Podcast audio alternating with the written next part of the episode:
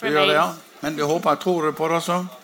Ja, jeg eh, gjør egentlig det. Men målingene har jo vist veldig eh, close race. Eh, men jeg tror nok eh, folk eh, lander ned på det trygge og beste alternativet, som jeg mener er Remain. Hva tror du? Jeg tror Remain. Og jeg mener òg at eh, som sosialdemokrat så vil et brexit utfordre påstanden om at eh, vi i fellesskap skaper de beste løsningene. Hva er det som gjør at ungdommen eh, sånn stort sett ser ut til å, å gå for remain?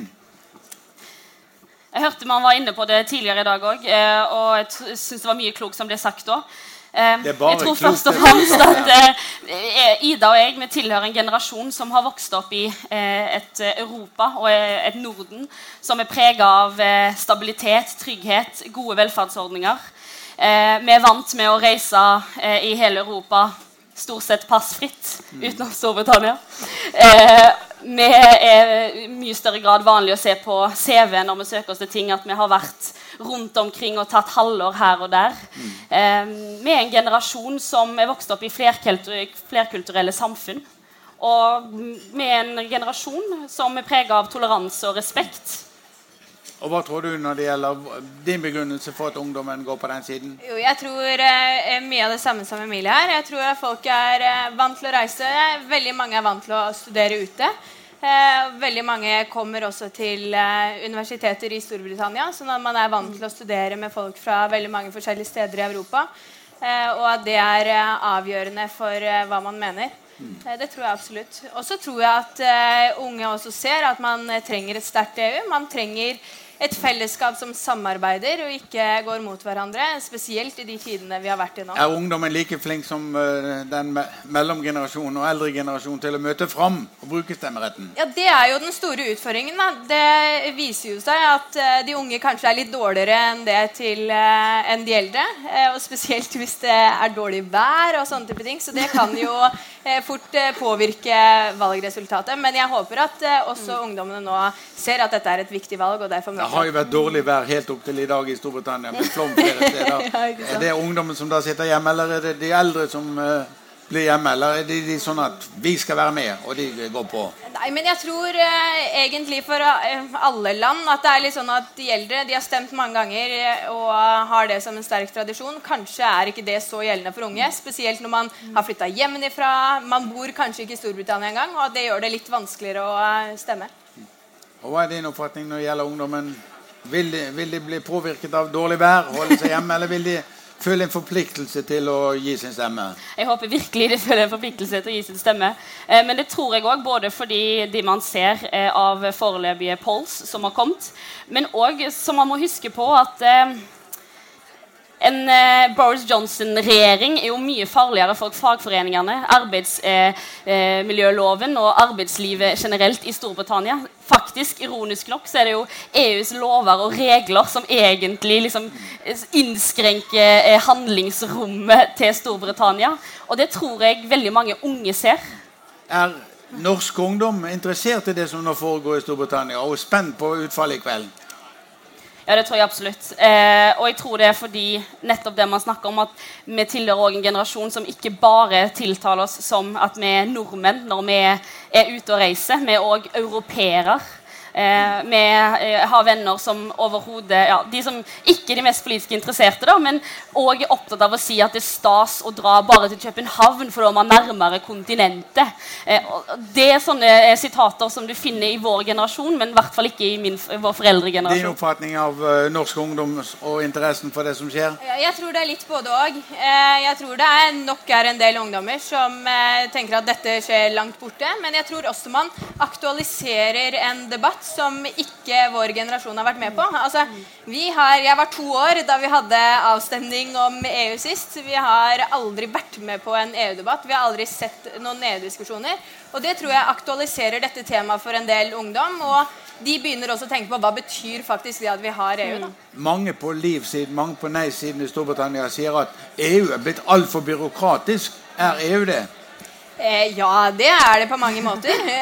vil jeg tro. Jeg vet jo at veldig mange nordmenn støtter meg i det. Eh, det er klart at man kanskje skulle ønske seg et eh, EU med mindre byråkrati, og at de tar tak i de store utfordringene. Men det tenker jeg også at Storbritannia er en viktig premissleverandør for også. At hvis de trekker seg ut, så vil man gå til en eh, mye strammere union, mye tettere politisk fellesskap. Og det tror jeg veldig mange i Norge da, er skeptiske til. Er det slik at uansett resultat i kveld, så vil dette ha en påvirkning på måten EU drives på? Ja, og jeg tror eh, på, altså på, kort sikt så tror jeg man kan si noe som flere har sagt, at ved, hvis det blir brexit, så blir man kvitt en sånn eh, en, en bølle. Eh, en, noen som skaper litt frustrasjon og eh, drar ting i det lange løp. Så i korte trekk for EU så tror jeg det kan bety litt husfred. Men på, på lang sikt så tror jeg det absolutt har de størst negative konsekvenser. Mest fordi at vi er nødt til å løse en, den største humanitære krisen siden andre verdenskrig. Det tror jeg ikke går hvis verdens femte største økonomi melder seg ut av kontinentet. Må be dere bak i salen å dempe lydnivået litt, sånn at uh, de som vil høre, kan høre så godt som de bør få høre. Hva tror du et uh, nei vil ha å si for uh, eh, EU i fremtiden? Det er jo veldig vanskelig å si. Nå håper jeg ikke at det skjer, så jeg har ikke tenkt så veldig mye på det. men Eh, men det er klart at man eh, vil få en situasjon der du har et land som faktisk har forlatt unionen.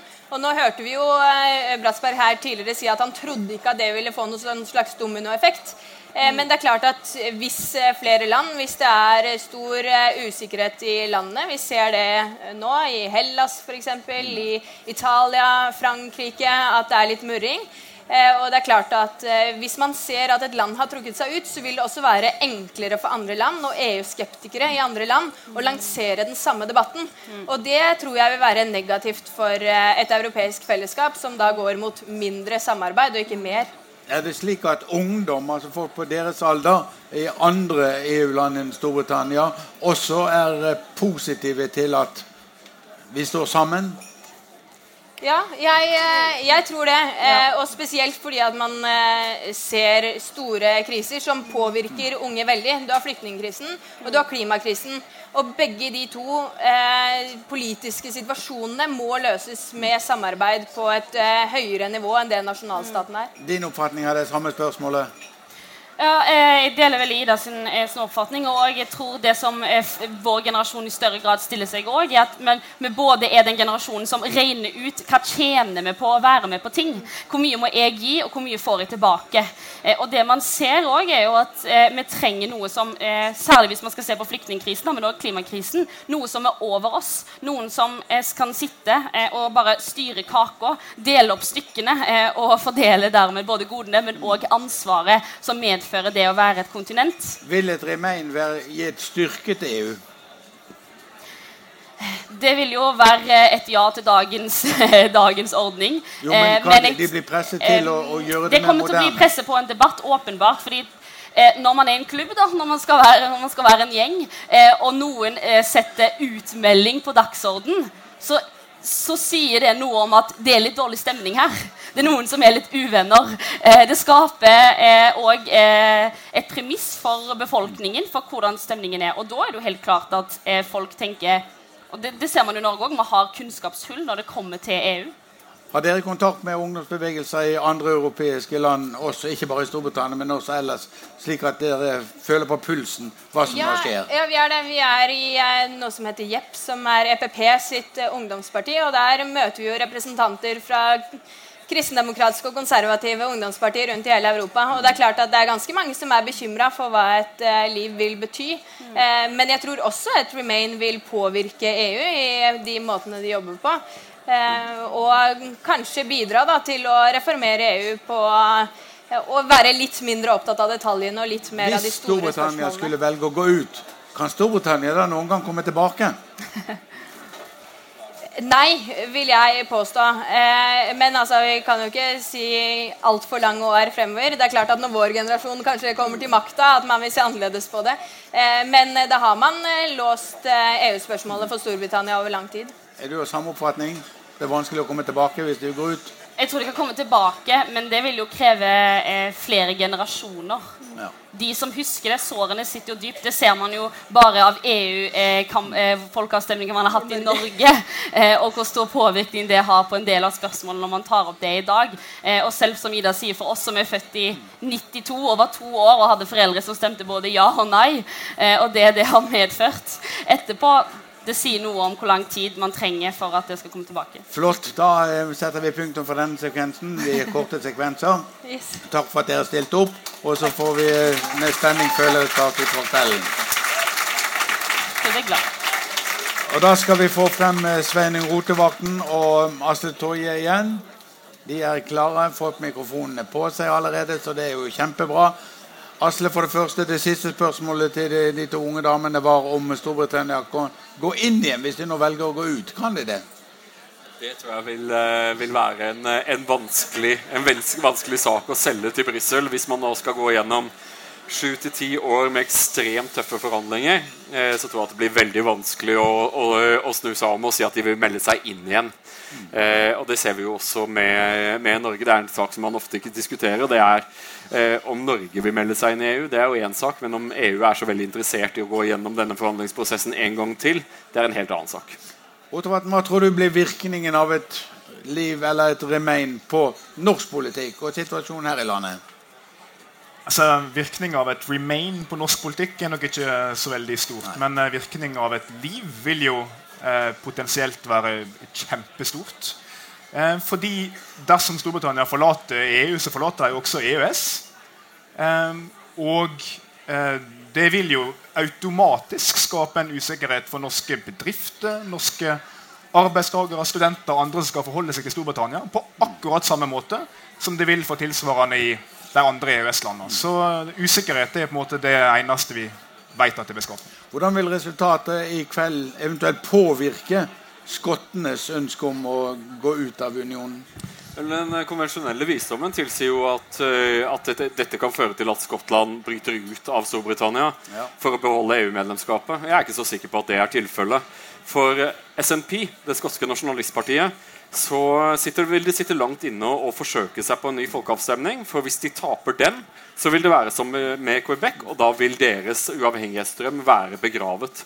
Eh, og hvis det kommer en ny folkeavstemning om Skottland skal ut, og Storbritannia alt har meldt seg ut av EU, så vil denne eh, avstemningen ha en helt annen karakter enn det den hadde eh, denne gangen. Er det noen som helst grunn til å tro at et liv vil føre til at Storbritannia får en bedre avtale med EU enn den Cameron har forhandlet og vil forhandle seg fram til? Eh, nei, det er, det, ingen, det er ingenting som tyder på at uh, Storbritannia vil få noen bedre uh, tilgang til, uh, til, det indre marked gjennom å melde seg ut.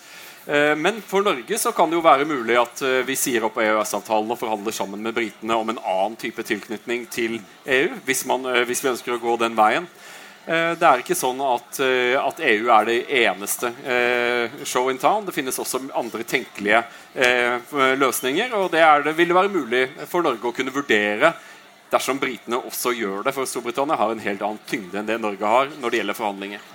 Vil et liv føre til større krav om at Norge skal gå ut av EØS-avtalen også? Nei, det vil det ikke. Fordi Norge har ingen interesse av det. Altså, Norge ønsker full tilgang til det indre markedet. Norge ønsker fri flyt av arbeidskraft, kapital, tjenester og vare. I tillegg til de andre 72 avtalene vi har med EU. Inkludert en del som Storbritannia uansett ikke er med i, som Schengen-avtalen. Slik at hvordan og hvorfor det skal føre til et ønske fra Norge om å sette EØS-avtalen på spill, er fryktelig vanskelig for meg å eh, forstå. Jeg ser en del som snakker om det. Men Norges interesse her vil helt åpenbart være å ha et stabilt forhold til et stabilt EU. Eh, så det å, det å tro at Remain skal på et eller annet vis kunne styrke norske interesser. Jeg sliter med å se hva interesse det i så fall skal styrke. I Storbritannia så ser det ut til at uh, London de går for ja, for remain, mens uh, andre deler av det sørøstlige eller det sørlige Storbritannia har det motsatte. Og det gjelder også i Skottland eller i nord at det også kan være et flertall for remain. Hva er din oppfatning av Er dette et godt bilde? Er det et riktig bilde, tror du?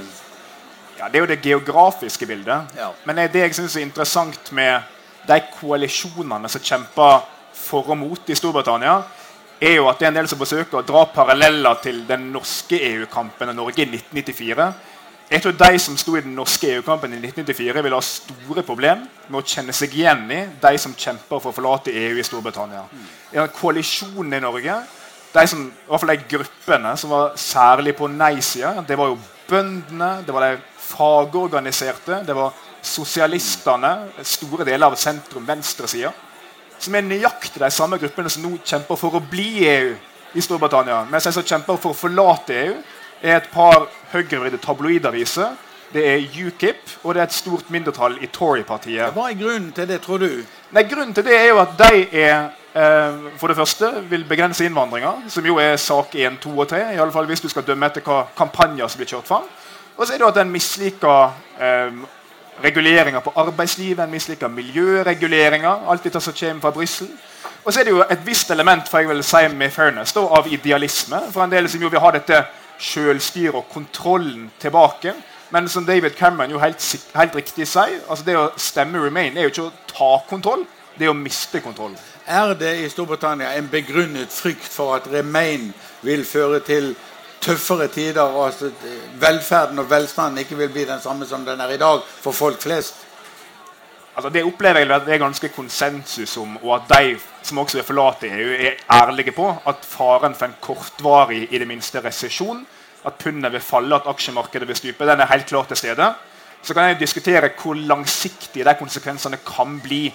Eh, og Der skal en selvfølgelig passe seg på sånn dommedagsscenario. Men at det skal føre til noe positivt i økonomisk forstand for Storbritannia, det syns jeg er helt umulig å se. Din oppfatning?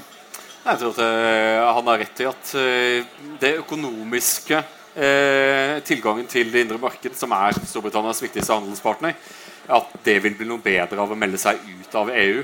Det tror jeg er høyst usannsynlig. Men som sagt, jeg tror ikke at det er så sannsynlig at selv en marginal nei-seier vil nødvendigvis føre til at EU slutter, avslutter, nei, Storbritannia avslutter EU-medlemskapet.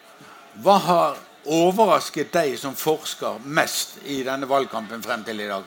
Jeg har ikke vært så veldig overrasket over denne valgkampen. Eh, man har hatt tilløp til eh, informert debatt om de, om de ulike aspektene ved, eh, ved EU-medlemskapet. Problemet er at EU er en ekstremt komplisert organisasjon. Det er en fotnote til alt. Eh, og i fravær av at eh, man, klarer å ha en informert debatt, så har man heller hatt en riktig uinformert debatt. Og den har vært fargerik, og har, det har vært demokrati i all sin prakt og all sin forferdelse. Eh, og resultatet er at vi nå har en avstemning hvor velgerne stemmer på instinkt, har jeg inntrykk av, mer enn på basis av fakta. Vil et liv i Storbritannia i kveld styrke nei-bevegelsen i Norge? Nei, det, tror jeg faktisk ikke. Eh, jeg sliter med å se hvorfor det skal skje. fordi eh, dette, veldig, det blir jo veldig hypotetisk. Men altså, et liv i Storbritannia vil føre til veldig stor usikkerhet i veldig mange land. Um, du kan få en motreaksjon der en søker større trygghet.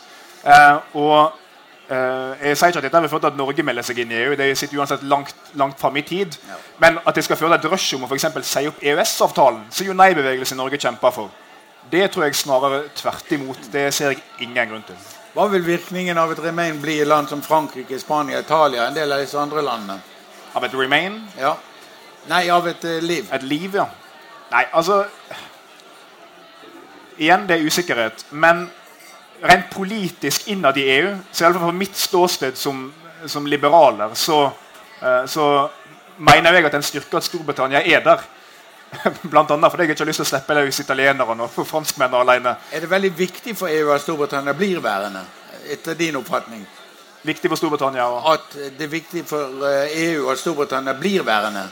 Ja, jeg oppfatter at det er et unison beskjed fra EU om at en ønsker Storbritannia der.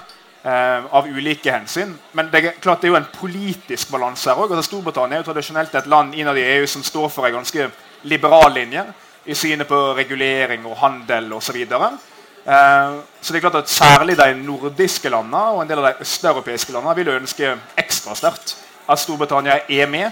Men jeg tror ikke det er noen av EU-landene som på en måte sitter med et hemmelig ønske om at Storbritannia skal, skal melde seg ut. Det, det, er, det, er, altså ingen som har noe å tjene på det, annet enn de som vil Europa og Storbritannia noe mindre godt. Næringslivet på Vestlandet, du er vestlending. Sogn og Fjordane, næringslivet på Vestlandet, vil de glede seg over at det blir et remain? Jeg tror at uh, et samla næringsliv i Norge både på Vestlandet og ellers ønsker stabile handelsvilkår med våre nærmeste allierte og våre naboland. Et uh, liv vil føre til ingenting annet enn usikkerhet, ikke minst for næringslivet. Så det er klart at de vil ønske det. Um, og det er jo også ønsket til det britiske næringslivet. Uh, så igjen, det, det, er ikke noen av de kreftene som ønsker å forlate EU. Dette er en intern kamp i Det konservative parti som har spunnet ut av alle proporsjoner, og som kan få forferdelige konsekvenser hvis det går ille i dag. Til slutt, Asle, nå i denne sekvensen her. Det er dårlig vær i Storbritannia. Oversvømmelse flere steder. Hvem kommer til å bli eh, tjene eller eh, få gevinst på nettopp i sånne værforhold når det gjelder det å møte opp? Ofte så har dårlig vær eh, favorisert yngre velgere som er eh, mer glad i å gå ut i regnet enn det eldre velgere er. Eh, men jeg er ikke sikker på at det er været som kommer til å avgjøre dette. Jeg tror at som Lallum sa eh, innledningsvis, så har det ofte en tendens til at velgernes konservative instinkter og at de stemmer på det, det, det de vet de har, heller enn å ta hva som effektivt vil være et sprang i mørket. Eh, det vil avgjøre for i alle fall mange nok av velgerne til at dette kommer til å ende med en seier for Remain. Da takker jeg dere for deltakelsen i denne sekvensen. Og så skal vi få opp da Hans Olav igjen, mens når dere forlater oss nå.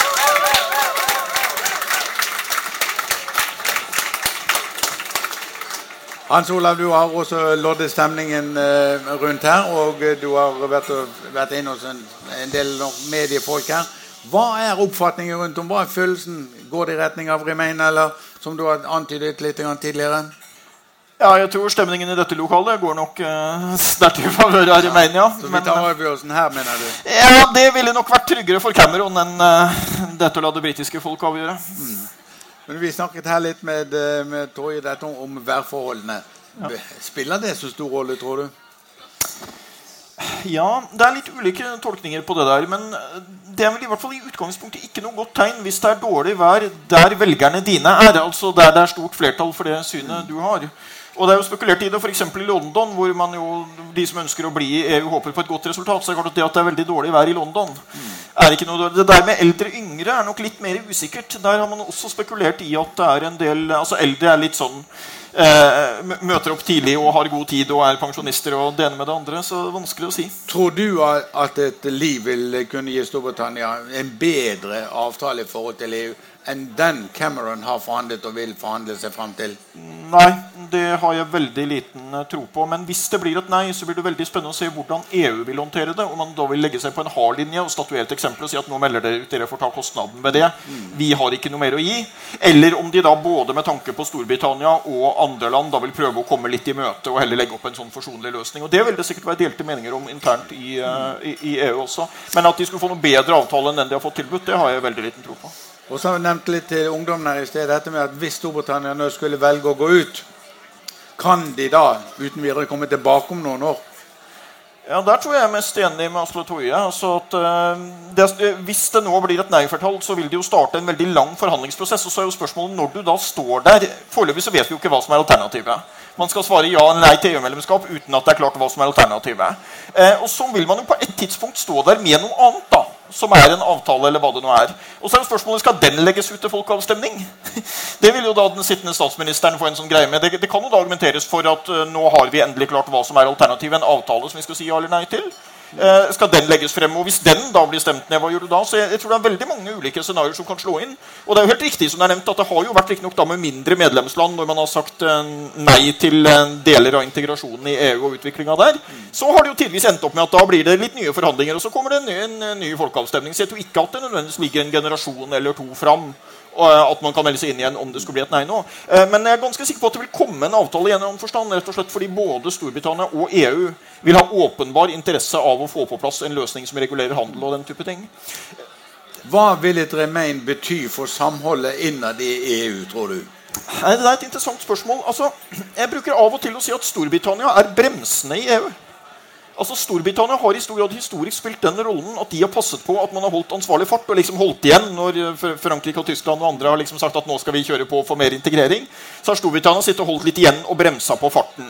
Og det er klart at Hvis du tar bort bremsene på en bil, så kan det jo både skje at det går veldig raskt fremover, at man får opp farta, og så kan det jo gå på trynet i grøfta også. Så det er rett og slett en litt uforutsigbar situasjon, men det vil helt klart endre, eh, eh, endre de interne forholdene. og så kan man for spekulere i at det vil jo da kunne gi økt makt til Tyskland og Frankrike. Har Storbritannias og Camerons ønsker om å få til en gunstigere avtale i forhold til EU, har den, og vil den gi som resultat at EU som system vil fungere annerledes i fremtiden? Det er godt mulig, men det er vanskelig å si hvordan. Og nå kommer det jo på et veldig kritisk tidspunkt her. fordi nå står man midt oppe i en situasjon med flyktningkrise. Man har en del eh, problemer med økonomien og det ene med det andre. Så dette kommer på et veldig krevende tidspunkt for EU. Og i en periode hvor det uansett er ganske god grunn til ettertanke for en del eh, ledere både på nasjonalt plan og, og, og i EU-systemet. Eh, så det, nå tror jeg at det er litt sånn at man holder pusten og vil ha svar på dette store ja-nei-spørsmålet om Storbritannia ønsker å melde seg ut eller ikke. Men at det vil komme en ettertanke og en, og, og en videre prosess rundt det, det tror jeg uansett. Ja. Jeg var litt inne på det var vel i forhold til, eh, til Asle her tidligere at hva, hva, ville en senere tids tidligere britiske statsministre Hvor ville de stått i denne situasjonen? Skal man være litt forsiktig med, å, å, med å, å, si noe om. Men du har jo hatt noen som har vært veldig overbeviste europeere. F.eks. hit. Du har hatt noen à la Thatcher som ble nevnt, som jo har vært på den restriktive sida. Eh, det er vel ganske klart Noen av de vet vi jo. da, F.eks. Tony Blair er det vel liten tvil om eh, hvor står at han vil være på, eh, på Remain-sida. Sånn sett. Men hvis man går langt tilbake, så tror jeg man skal være forsiktig. men det er, det, det er, jo et sitat da, som du sikkert kjenner til fra slutten av 1800-tallet. Salisbury, den første statsministeren vi skriver om i boka om britiske statsministre, er jo kjent for sitt sitat om Storbritannias 'splendid isolation'.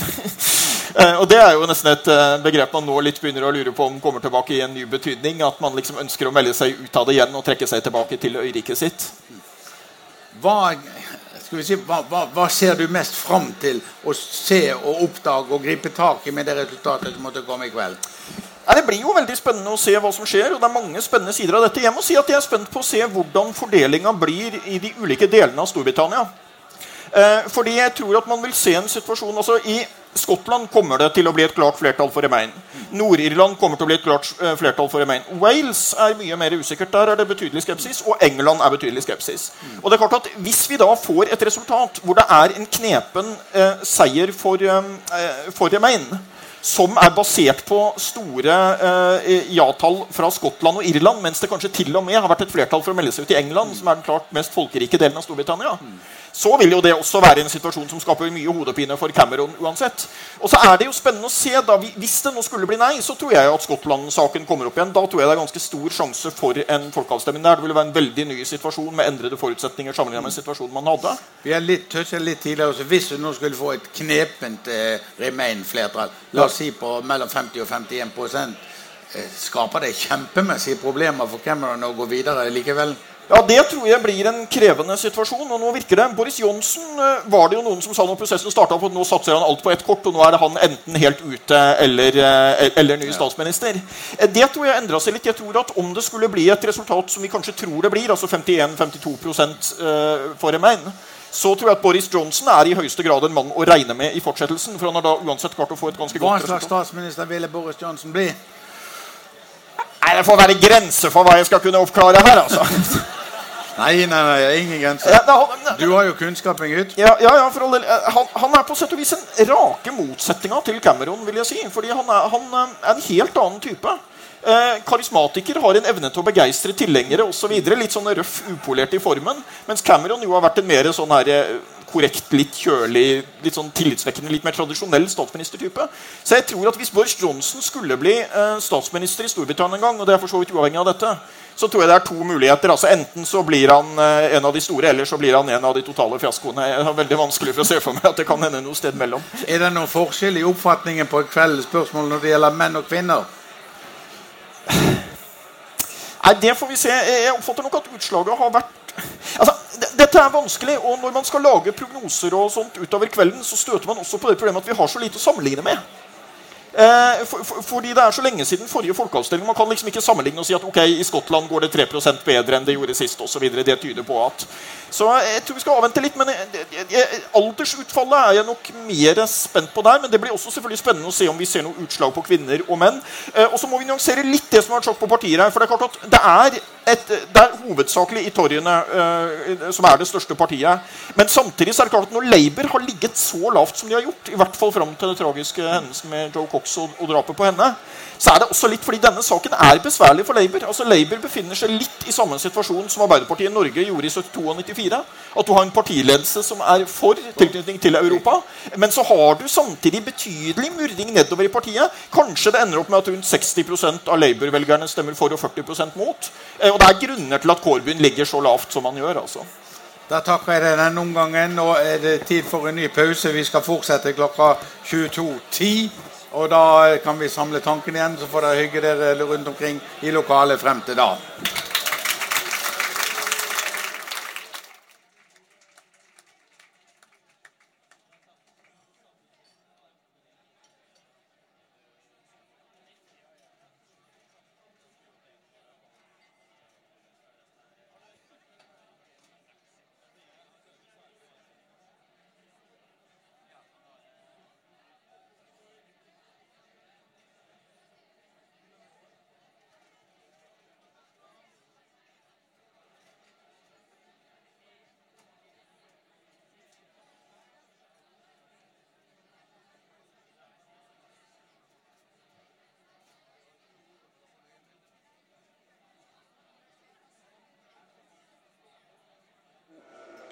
I hope that doesn't happen.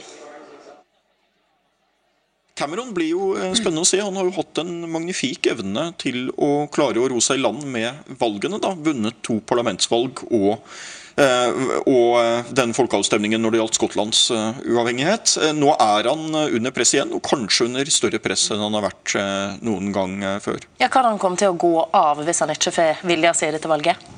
Ja, han kan komme til å gå av. Han kan også komme til å bli tvunget til å gå av hvis det skulle gå veldig dårlig og det kommer et internt eh, opprør. Men det er veldig mange ulike scenarioer. Han har jo eh, bevisst valgt da å ikke stille noe kabinettspørsmål og ikke si at han kommer til å gå. Men i det innebærer ikke nødvendigvis at han ikke kommer til å gå.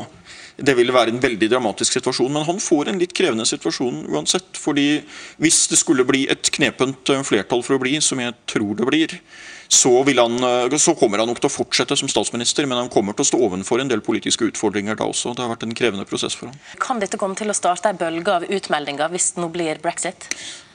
På kort sikt så tror jeg ikke det blir noen bølge. Altså, det er ikke noen sånn dominorekke som står eh, stabla opp. Hvis du f.eks. tar et land som Irland, da, så kommer ikke Irland til å følge etter nå hvis Storbritannia går ut. De er ganske godt fornøyd og kommer til å bli. Og det er ikke noe sånn at det er noe sånn land to, tre, fire som du da peker på og sier at nå raser de også hvis Storbritannia raser. Men det spørsmålet vil bli mer aktuelt faktisk også i f.eks. Sverige og Danmark. er jo to, to land hvor det, man sikkert vil få en ny debatt om det. Men eh, det er lang vei fram til neste folkeavstemning og eh, eventuelt neste land som, eh, som, sier nei, hvis Storbritannia sier nei. Men det vil likevel være mistillit. og Det er litt som man er inne på at det blir også da en demonstrasjon av noe man i EU ikke har lykkes med. Nemlig å skape en bred folkelig støtte og, og så å si begeistring for dette EU-prosjektet. Eh, der har utviklinga nå gått snarere gal vei, og det vil eh, selvfølgelig være en dramatisk illustrasjon av det. Det er mange som følger valget i Storbritannia tett. Også her i landet, på Kulturhuset i Oslo på Youngstorget, så er det valgvake akkurat nå. Der er bl.a. Eirik Løkke fra Civita som håper på at britene blir i EU. Ja, jeg håper virkelig at britene i dag stemmer for å bli i EU. Det vil være det beste både for Storbritannia og Europa. Jeg mener det finnes mange gode argumenter som EU-motstanderne har, men jeg tenker at når alt kommer